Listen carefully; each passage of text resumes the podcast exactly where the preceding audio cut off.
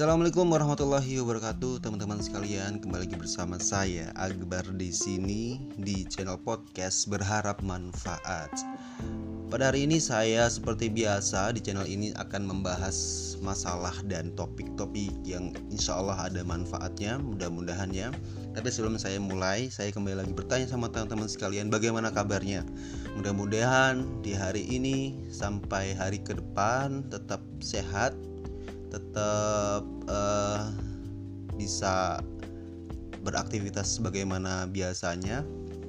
Karena kita tahu teman-teman sekalian pada hari ini belakangan pandemi ini semakin merajalela semakin uh, luas dampaknya apalagi khususnya untuk provinsi Lampung sendiri sudah terdaftar sebagai zona merah ya. Beberapa kabupaten seperti Lampung Barat, Lampung mana Lampung Timur, Bandar Lampung itu sudah zona merah. So teman-teman sekalian tetap jaga kesehatannya dan tetap bersyukur jika teman-teman di pagi hari masih bisa bernafas, masih bernafas dengan lancar, dengan baik, dengan normal, dengan lega gitu. Kemudian bisa merasakan kesehatan yang seutuhnya tanpa ada masalah apa pun gitu. Baik-baik aja badannya bersyukur karena sebagian dari kita ada yang merasakan kesulitan dalam bernafas karena sesak gitu ya. Karena mungkin saturasinya menurun kena pandemi atau kena virus covid ini. Dan ada juga yang lemah lemes gitulah ya badannya ada juga yang pusing ada juga yang perutnya sakit dan segala macam. Bersyukur teman-teman masih diberikan kesehatan sama Allah. Mudah-mudahan dari kesehatan itu kita semakin bertanggung jawab ya untuk menjaga diri dan membuat orang di sekitar kita aman dari paparan uh, eh, COVID-19 ini.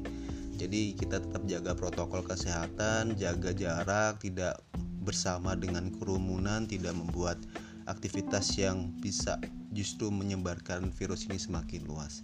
Teman-teman, saya harap tetap bisa menjaga itu karena ini sangat penting sekali untuk kita sadari ya. Kalau kita tidak merasa sadar tentang hal ini, takutnya atau kekhawatiran kita COVID ini semakin luas dan tidak akan pernah selesai gitu. Mudah-mudahan Allah segera cabut apa yang terjadi dalam negara ini di Indonesia COVID-19 sehingga kita bisa terus beraktivitas lagi seperti dulu kala secara normal secara baik seperti biasanya gitu. Oke teman-teman sekalian kita kembali kepada inti uh, podcast ini. Jadi hari ini saya tidak bersama saudara Zulfikar karena sepertinya untuk hari-hari ke depan dia tidak bisa bergabung dengan bergabung dengan saya karena dia sedang sibuk. Nah, sibuk apa? Sibuk punya tugas dia. Jadi dia untuk beberapa bulan bukan beberapa bulan sebulan ini sih. Agustus full ini dia nggak bisa join sama saya karena dia ada tugas di tempat yang nan jauh di sana. Jadi saya sendiri sementara mungkin dia nanti juga akan ngisi ya kayak yang sebelum podcast ini kan ada juga pembahasan tentang uh, kisah seorang tabiin gitu. Dia kayaknya expert di di, uh, di bidang itu. Oke nggak apa-apa dia juga produktif saya juga berusaha produktif. Mudah-mudahan kita sama-sama produktif karena Allah gitu ya karena untuk memberikan hal yang bermanfaat buat teman-teman. Oke teman-teman sekalian hari ini saya ingin berbagi ya tentang topik yang seperti biasanya saya mengambil tema-tema yang tidak tidak usah jauh-jauh. Keseharian kita yang kita sering uh, hadapi yang kita sering uh, terima gitu. Nah hari ini saya akan membahas tentang uh, topik penampilan. It's all about your penampilan gitu. Jadi penampilan ini biasanya orang sering menjadi sebuah topik yang terus berkembang gitu. Belakangan ini kayaknya um, penampilan ini punya porsi tertentu gitu. Jadi seperti halnya anak-anak muda zaman sekarang ya, kalau menggunakan pakaian yang tren, yang kekinian gitu, itu kayaknya selalu menjadi sebuah kebanggaan menjadi sebuah hal yang ya lumayan keren gitu dibandingkan dengan orang yang tidak menggunakan uh, brand atau penampilan yang biasa-biasa saja.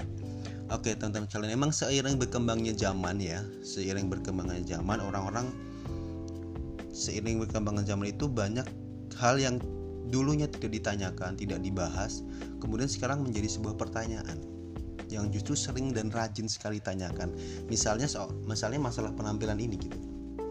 Ada beberapa beberapa orang di antara kita gitu yang uh, selalu menanyakan gitu. Tentang seperti apa atau berapa outfitmu gitu berapa harga outfitmu apa outfitmu apa merek yang kamu gunakan. Nah sepertinya emang um, untuk masalah penampilan ini punya porsi tersendiri di mata kita gitu dan bagi sebagian orang sebagian teman-teman yang lain gitu ya memang penampilan ini memang sangat penting bahkan pada sebagian orang lagi gitu. Masalah penampilan ini dijadikan sebagai sumber kepercayaan diri. Karena kalau kayaknya kalau nggak penampilannya nggak keren itu kayaknya nggak pede aja rasanya gitu. Kalau nggak pakai brand yang yang orang paling sukai sekarang itu kayaknya nggak nggak bisa bisa ya enjoy lah dalam dalam apa namanya di lingkup sosial gitu. Dan tahu nggak teman-teman bahwa sebenarnya perkembangan untuk perubahan terkait penampilan itu dari masa ke masa memang mengalami perubahan yang cukup cepat sih. Cukup cepat cukup berkembang pesat gitu ya dan coba teman-teman bedakan aja deh antara orang-orang yang dulu nih untuk masalah rambut aja ya. Masalah rambut dari gaya rambut di tahun era 70-an gitu ya. Era 80-an era 90-an atau 2000-an atau sampai saat ini kan beda-beda ya. Mungkin di era 70-an ada yang gayanya seperti Elvis Presley gitu kan. Ada yang seperti apa ya yang kalau teman-teman nonton filmnya Warkop itu kan kelihatan sih gaya-gaya rambutnya yang agak kuno gitu ya. Bukan kuno ya mungkin zaman mereka emang paling keren lah ya. Di era 80-an 90-an 90-an tuh mulai rambut gondrong gitu mulai jadi idola gitu. 2000-an itu gaya anak-anak muda yang rock and roll itu jadi tren di masa itu. Dan sampai sekarang pun perbedaan itu terus berubah-ubah gitu. Kalau di di zaman sekarang malah dinamis gitu nggak ada satu tren tertentu yang memang ini loh yang keren gitu nggak ada. Tapi orang punya punya apa ya punya pemilihan gaya tersendiri bagi dirinya sendiri. Nah itu baru penampilan rambut ya. Belum apa yang menempel pada badan manusia.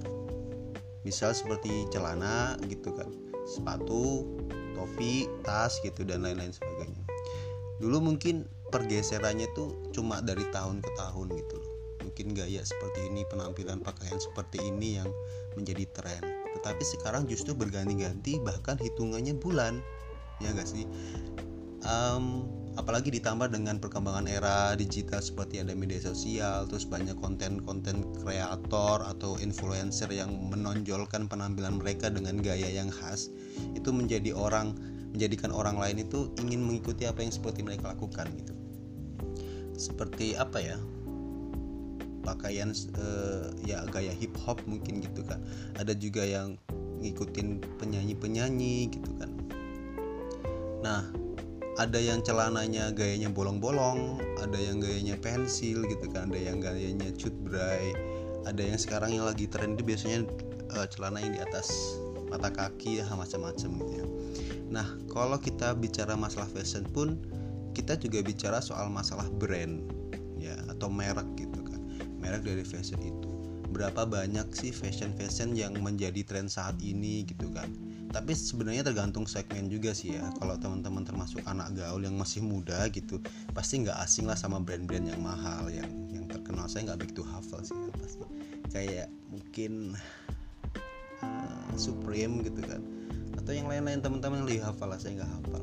Atau kamu yang suka dengan alam bebas nih uh, suka mendaki gunung suka explore di uh, alam bebas gitu. Mungkin teman-teman juga tahu lah. Yang ngerti ini pasti pasti paham nih. Ada tuh tahta antara yang punya alat outdoor merek Ager. Dan yang lain-lain tuh pasti ngerasa gitu kan.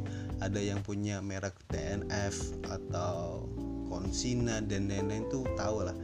Biasanya akan ada perasaan lebih percaya diri gitu ketika kita mendaki gunung gitu menggunakan uh, alat outdoor yang mereknya Ager gitu merasa lebih keren aja gitu lebih cool gitu. Ya ya lebih bisa menambah uh, tingkat kepercayaan diri lah gitu kan. Nah, jadi teman-teman sekalian memang masalah penampilan ini cukup menarik bagi saya gitu ya. Dan saya mau cerita sedikit sih tentang uh, masalah penampilan ini. Jadi jadi dulu uh, saya waktu masih SMA ya.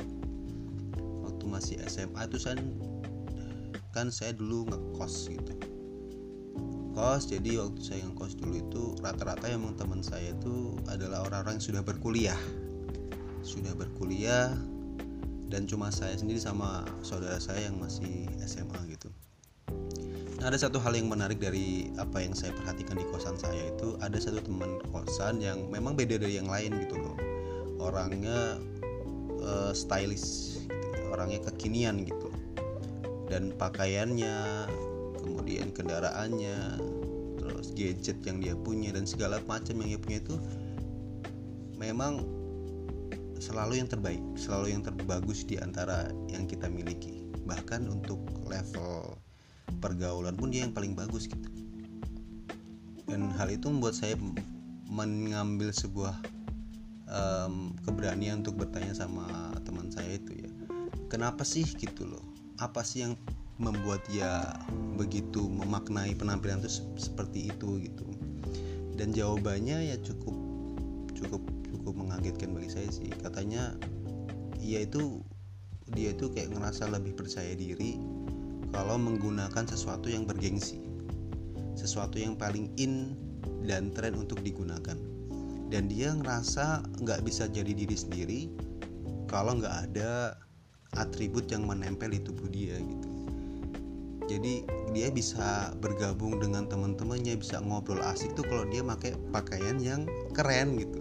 Pakai sesuatu yang yang bagus bagi orang lain lihat gitu loh terus saya bertanya-tanya tuh kenapa ya orang bisa menjadi sedemikian tidak percaya diri hanya karena tidak memiliki sesuatu yang lain pada diri dia gitu maka ini membuat kita harus memiliki pemahaman teman-teman sekalian bahwa yang paling penting itu bukanlah apa yang kita miliki, apa yang kita kenakan, apa yang kita jadikan sebagai standar kita gitu. Tetapi yang paling penting adalah kita menumbuhkan sesuatu yang berharga di dalam diri kita, bukan di luarnya gitu loh. Dan teman-teman tahu nggak sih bahwa hari ini tuh kita sebenarnya sudah terdistraksi loh oleh substansi dari sebuah benda sadar nggak sih teman-teman sekalian bahwa benda yang sejatinya kita gunakan dan kita fungsikan sebagaimana mestinya sudah bergeser gitu loh sudah menjadi sebuah nilai untuk menampakkan diri sudah bergeser jadi sarana untuk adu gengsi misalkan ya teman-teman mungkin teman-teman juga merasakan hal yang sama sih kayak sepatu deh kita tahu kan ya kalau sepatu itu fungsinya memang adalah seperti sebagaimana untuk alas kaki untuk menghindarkan diri kita dari benda tajam. Tapi sekarang sudah bukan lagi menjadi acuan hal itu. Dasar dari membeli sepatu itu sekarang adalah untuk bagaimana sebuah harga dari sepatu itu bisa menunjukkan keterkenalan sepatu itu kepada orang lain. Ngerasa nggak sih teman? Dan misalkan lagi nih tas lah ya, tas kita tahu tas itu fungsinya apa? banyak dari kita yang tahu lah bahwa fungsi dari tas itu adalah untuk menyimpan, untuk membawa barang-barang atau harta yang berlebih gitu kan di dalam tas itu.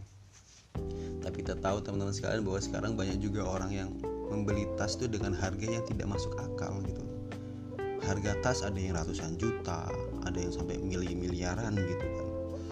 Padahal ya apa sih fungsinya? Apa sih inti dari tas itu sendiri inti sarinya tuh apa substansinya yang digunakan tuh apa kenapa harus beli yang mahal-mahal gitu lalu apalagi teman-teman sekalian kalau bukan untuk eksisten eksistensi kalau bukan untuk menampakkan bahwa ini adalah bentuk upaya untuk keterkenalan yang dipandang mungkin dalam tanda kutip supaya mulia di mata orang lain gitu.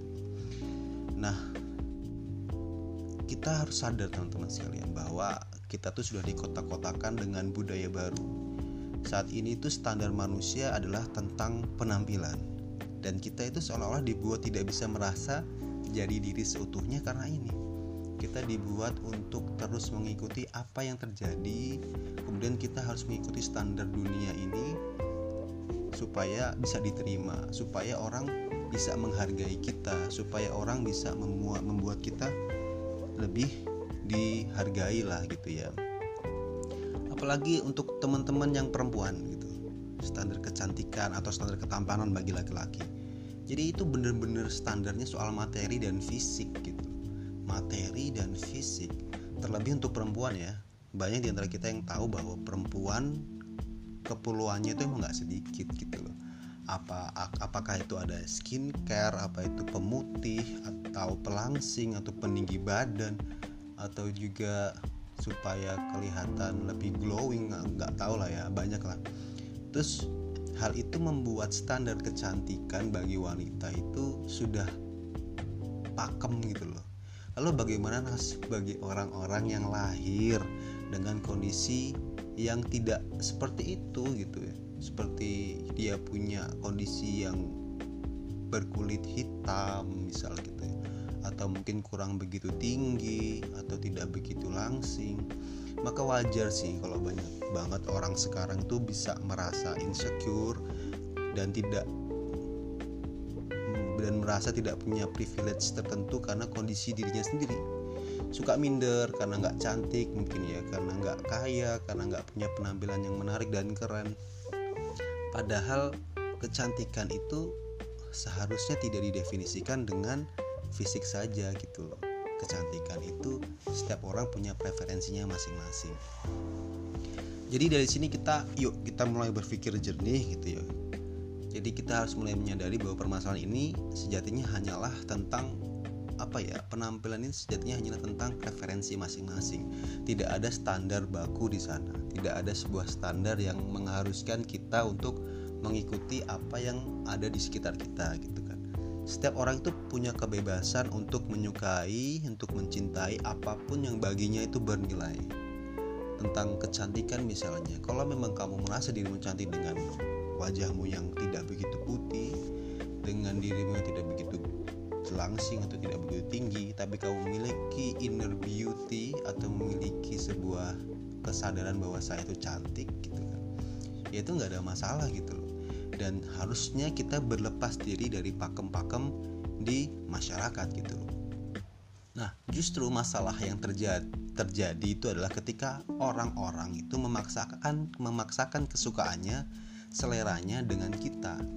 Dianggapnya apa yang kita anggap benar itu salah. Dianggapnya apa yang kita anggap itu paling uh, ideal bagi kita itu tidak benar bagi mereka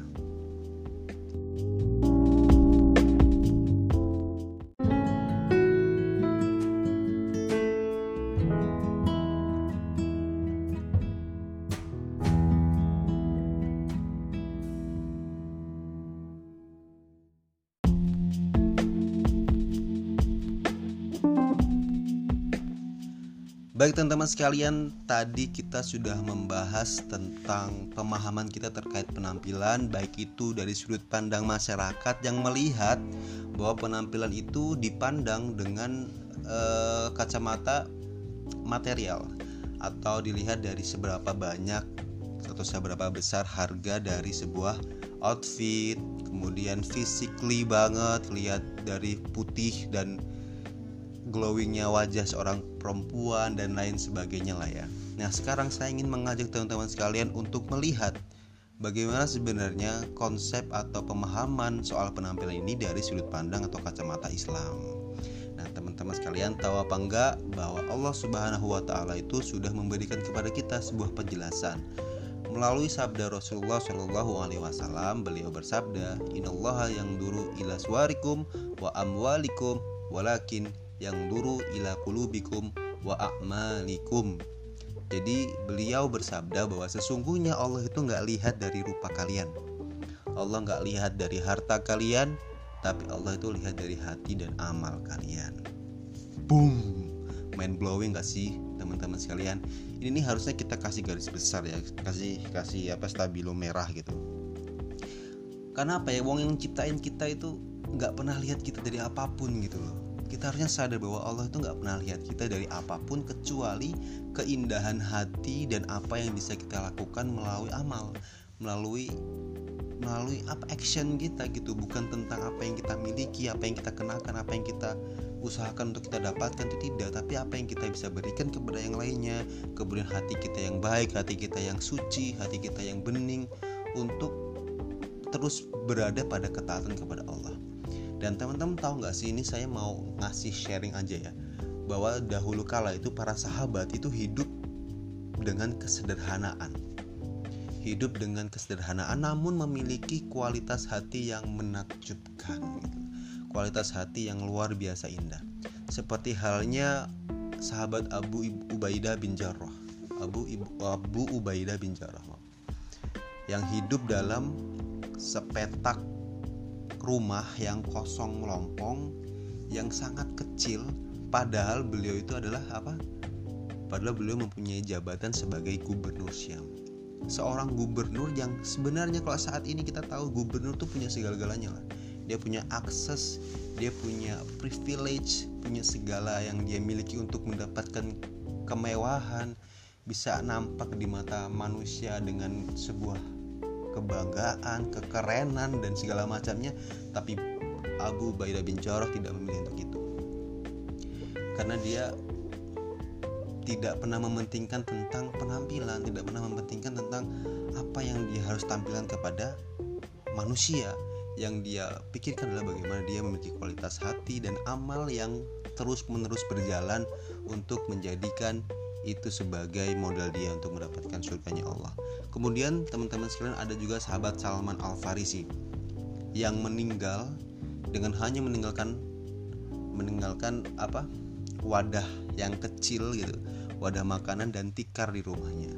Seluruh gajinya dan insentifnya yang ribuan dirham itu ia tinggalkan sebagai sebagai infak di jalan Allah padahal dia adalah pejabat gitu ya pejabat di masa kejayaan Islam. Bagaimana teman-teman sekalian para sahabat itu tidak terlalu mementingkan perihal apa yang mereka kenakan tetapi mereka mementingkan bagaimana cara mereka untuk lebih banyak ber, beramal. Tapi tentu saja teman-teman sekalian hal itu bukan berarti membuat kita lupa dan membiarkan diri kita untuk jadi kumuh gitu enggak juga ya. Jadi tidak baik dalam berpenampilan karena inti dari berpenampilan itu pun adalah supaya kita bisa menjaga atau melindungi diri kita menjaga kehormatan kita dan dipastikan bahwa dari yang kita kenakan itu terbebas dari najis dan bisa untuk digunakan sebagai alat untuk beribadah gitu. Kalau untuk laki-laki dan perempuan ada kaidah-kaidah dalam Islam untuk menutup auratnya sesuai dengan yang Islam perintahkan supaya dia terjaga dari fitnah-fitnah kemudian laki-laki juga syaratnya punya syarat-syarat tertentu menutupi lutut kemudian tidak melewati batas pusar gitu kan.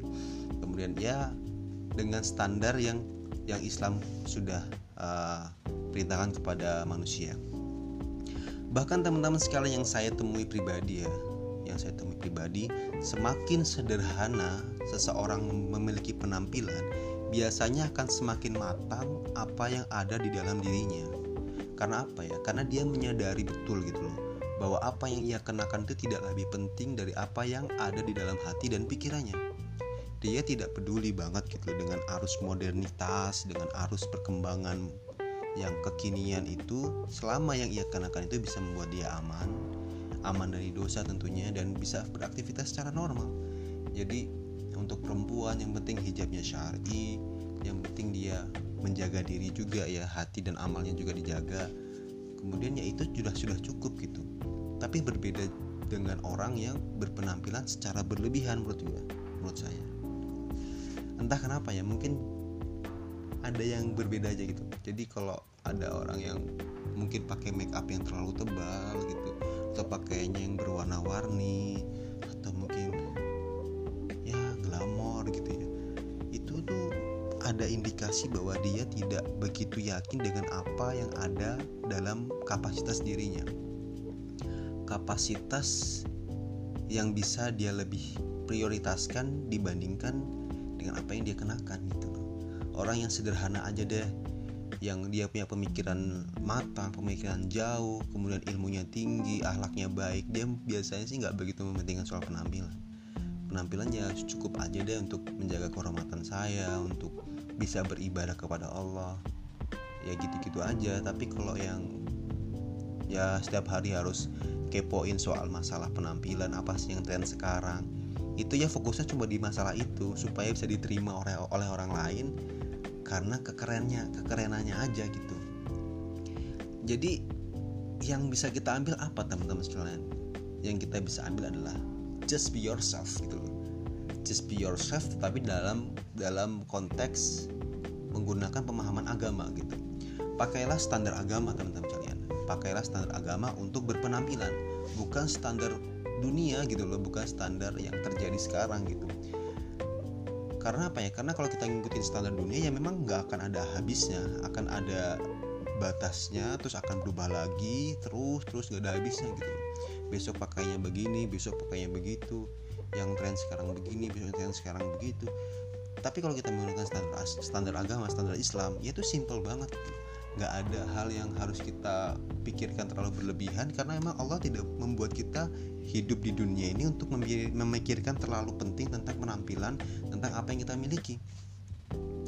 Dan apa yang diperintahkan oleh Allah kepada kita tentang penampilan itu akan terus berlangsung dan sesuai dan berlaku sepanjang zaman baik itu untuk perempuan maupun laki-laki terutama untuk perempuan.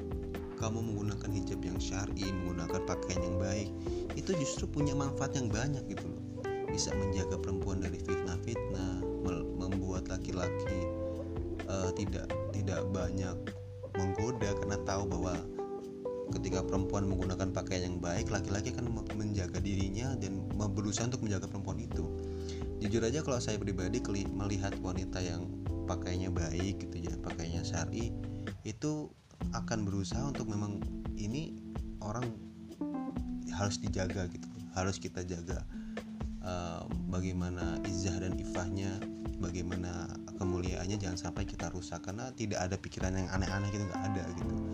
Ya berbeda mungkin teman-teman sekalian dan kita sebagai laki-laki mungkin normalnya kalau ada perempuan yang penampilannya nggak nggak beres gitu ya itu bikin kita ya nggak beres lah gitu ya jadi ke mana-mana gitu jadi sebenarnya standar yang Allah berikan kepada manusia itu sudah sangat sempurna, sudah sangat mulia dan tidak usah direvisi lagi. Kalau kita masih terus memikirkan, terus menggunakan standar manusia, modernitas, kemudian yang terjadi saat ini ya kita justru akan kelimpungan sendiri dan nyatanya nggak ada hal yang bisa menjadi uh, pakem agar kita terbebas dari apa dosa juga kan. Tapi kalau pakai standarnya Allah standar Islam ya pasti insya Allah akan aman sentosa. Baik-baik saja hingga nanti kita menjadikan jalan kita sebagai amal ibadah juga gitu loh. Kalau kita ikut apa yang Allah perintahkan kan artinya kita juga ingin supaya aktivitas kita diridhoi sama Allah. Kemudian dari situ kita bisa berpahala. Kemudian Allah ridho sama kita insya Allah pun surga gitu jadi intinya teman-teman sekalian kita harus berusaha untuk kembali kepada konsep penampilan yang menggunakan standar Islam, standar agama. Teman-teman mungkin agak rancu ya, kayaknya saya seolah-olah memaksa gitu, tapi teman-teman harus sadar bahwa kita harus kembali lagi kepada perspektif yang menciptakan kita. Karena siapa yang menciptakan kita itulah yang paling tahu siapa apa yang kita butuhkan. Kalau Allah menciptakan kita untuk begini begini dan ada aturan tertentu itu pasti yang paling baik buat kita. Tapi kalau kita mengikuti apa yang distandarkan oleh manusia, pasti teman-teman sekalian akan membuat membawa, membuat kita semakin tersesat justru. Jadi mudah-mudahan dari apa yang saya sampaikan ini teman-teman bisa kembali menggeser apa yang dipahami saat ini selama ini untuk lebih memilih gitu ya lebih memilih memilih penampilan yang baik dari sudut pandang yang benar yaitu sudut pandang agama Islam. Teman-teman sekalian begitu saja yang bisa saya sampaikan. Saya harap apa yang saya sampaikan sedikit banget ini bisa memberikan manfaat bisa memberikan inspirasi atau mindset baru supaya teman-teman bisa uh, lebih baik lagi kita bareng-bareng lebih baik dan mencapai ridhonya Allah bareng-bareng semoga bermanfaat teman-teman sekalian. Begitu saja yang bisa saya sampaikan. Terima kasih. Assalamualaikum warahmatullahi wabarakatuh. Semoga bermanfaat